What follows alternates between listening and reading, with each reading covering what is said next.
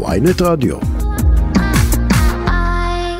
חבר הכנסת זאב אלקין, יושב ראש סיעת המחנה הממלכתי, בוקר טוב לך. שלום, בוקר טוב. אה, אתם מברכים על ההחלטה אתמול? בוודאי, אני חושב שהיא הייתה צריכה להתקבל מזמן, הרי אנחנו הצענו הידברות עוד יום למחרת מסיבת עיתונאים ראשונה של יריב לוין, ולאורך כל הדרך היינו המבוגר אחראי, אחרי מתווה ראשון, אחרי מתווה שני, אבל עדיף מאוחר מאשר uh, לעולם לא. חבל שנדרש כל מה שעברה מדינת ישראל כדי שנתניהו יגיע להחלטה המתבקשת הזאת. אני גם מאוד מקווה שאכן היא כנה ואכן יבואו להידברות אמיתית ולא רק כדי לסמן וי ולהגיד uh, נכנסנו להידברות ואז חוזרים לאותו חוק שהוא כבר הכינו אותו בקואליציה לקידום מהיר תוך יום וחצי uh, לאחר הפגרה. אז אני מאוד מאוד מקווה שיהיה ניתן להגיע לרפורמה אמיתית ומאוזנת ואין פה איזשהו ניסיון רק uh, בעקבות לחץ ציבורי לנסות להקטין את המחאה. הופתעתי ששמך אה, לא הוזכר בצוות, ה... בצוות ההידברות של המפלגה. לא, למה? מי, ש... מי שמוביל את הצוות זה יושב ראש תקווה חדשה, שר המשפטים לשעבר גדעון סער, הוא שר המשפטים לשעבר, זה טבעי שהוא זה שייצג את תקווה חדשה בצוות המשותף שלנו, של המחנה הממלכתי, יחד עם נציגי כחול לבן, לכן uh, בהחלט אני מרגיש רגוע. כשגדעון הוא זה שמוביל את זה. אבל לא רצית להיות חלק מהניסוחים, בכל זאת גם יש לך אה, הבנה במשאים ומתנים באשר הם, וגם הבנה בנושא הזה עסקת בו רבות. אם זה נכון, אבל לא הייתי שר המשפטים בשונה מגדעון, ולכן אם יהיה צורך בעזרה שלי, אני כמובן אתגייס לעזור בכל מה שאפשר, אבל אני סומך על גדעון מבחינה זאת שהוא ידע יחד עם שאר החברים לייצג אותנו בעניין הזה. אמר שותפכם לאופוזיציה, לפיד, שצריך לוודא שלא מדובר בתרגיל או אחיזת עיניים. אתה מכיר את נתניהו היטב, ונקרא לזה, אתה שועל קרבות ותיק. בתוכך, אתה מאמין שזה צעד אמיתי, או שזה תרגיל? אני אגיד לך כך, אם זה היה צעד אמיתי, לא היה נדרש כל המאמץ העצום של מאות אלפי אזרחים ישראלים ש... נלחמו ובזכות המאבק שלהם נתניהו נכנע. כן, הרי הוא לא הלך לשם מלכתחילה, הוא עשה את זה רק בלחץ ציבורי גדול מאוד. ולכן uh, אמיתי וכנה זה בטח לא. עכשיו, השאלה אם uh, ידעו uh, ללכת למשא ומתן אמיתי uh, ולא רק כדי לסמן וי, וירצו להגיע לרפורמה מאוזנת, זה אפשרי. אנחנו כמבוגר אחראי של המערכת הזאת נהיה שם ונהיה שותפים.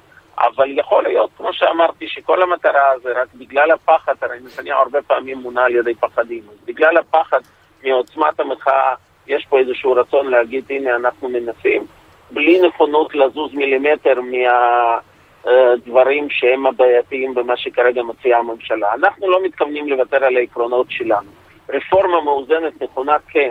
שליטה של הממשלה במינוי שופטים ופוליטיזציה של מערכת המשפט, לא. חוק יסוד החקיקה מקיף כן. כל מיני תיקונים מפה לשם כדי לפתור בעיות פרסונליות של אנשים כאלה או אחרים, בוודאי לא. חבר הכנסת זאב אלקין, אתה מבין עד מתי אה, הושתה החקיקה? לפי ההתחייבות של uh, ראש הממשלה לבן גביר, אני מבין שזה עד סוף כנס הקיץ. אני מניח ש... עד סוף כנס הקיץ.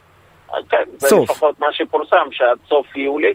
כמובן זה לא אומר שקואליציה לא תרצה לעשות את זה קודם, אני מניח שבחודש מאי, עם חזרה מהפגרה, הקואליציה תהיה עסוקה עם תקציב וחוק ההסדרים, שגם הוא עבר uh, הלילה, אתם מדברים איתי נכון. אחרי לילה ללא גם, שנה. גם מינוי uh, דודי אמסלם לשר במשרד המשפטים אושר הלילה. שזה אגב, שזה אגב uh, דבר הזוי בעיניי, כי מה קרה? מינו שר שני במשרד המשפטים שאף פעם לא היה שם ואין בו צורך, ומצד שני חסר בממשלה הזאת שר בריאות במשרה מלאה.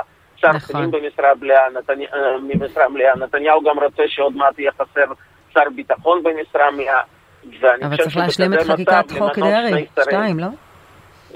אבל החוק הזה אושרה כרגע, אז לא יהיה מינוי של דרעי לפני חג הפסח, ולכן אין לנו שר פנים ואין לנו שר בריאות, יש ממלא מקום שבמקביל עוד שר במשרד אחר.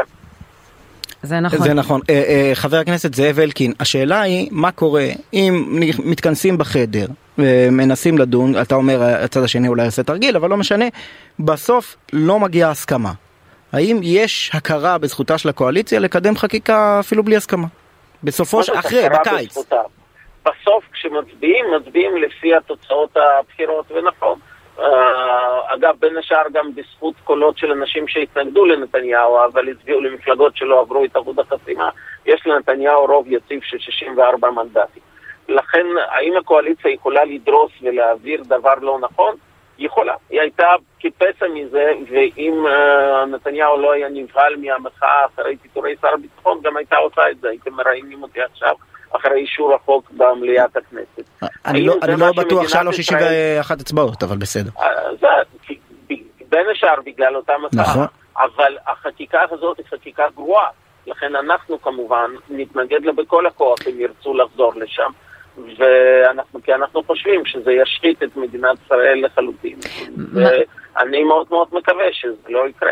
מה חשבת כשראית את הפגנת הימין אתמול? אני בטוחה שלפחות בזיקה האישית אנחנו רואים אה, אנשים שמשתייכים יותר למגזר שממנו אתה מגיע, גם אנשי ההתיישבות וגם אה, אה, חובשי כיפה וגם אנשים, מבחינת הזיקה האישית שלך. קודם כל אני חייב להגיד לך שזה סוג של דעות קדומות, כי אני ראיתי הרבה חובשי כיפות סרוגות בהפגנות בירושלים שהשתתפתי בהן. נכון.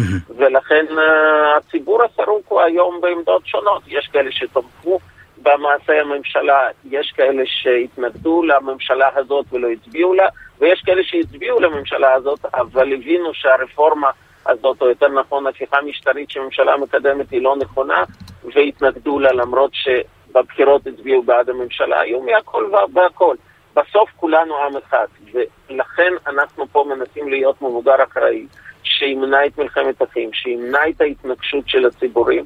וינסה להגיע לרפורמה נכונה ומאוזנת. איך אתם מרגישים עם הסקרים? עם הסקרים, בדיוק. איך אתם מרגישים עם הסקרים שמחמיאים לכם? אני, בסוף אתם יודעים, זה סקרים, uh, כשאין בחירות, אין לזה הרבה משמעות, יש רק משמעות אחת, שכשאתה נשאר נאמן לעקרונות שלך, וכשאתה מנסה לפעול מה שנכון למדינת ישראל, אז בסופו של דבר גם הציבור מבין את זה, וזאת המשמעות. הציבור מחפש את המבוגר האחראי, את זה שמחפש איך לאחד ולא איך לפלק ולשסע. ואני חושב שזה גם בא לידי ביטוי בסקרים. אתה יכול, חבר הכנסת אלקין, לתת לנו קווי מתאר לפחות ל... ל...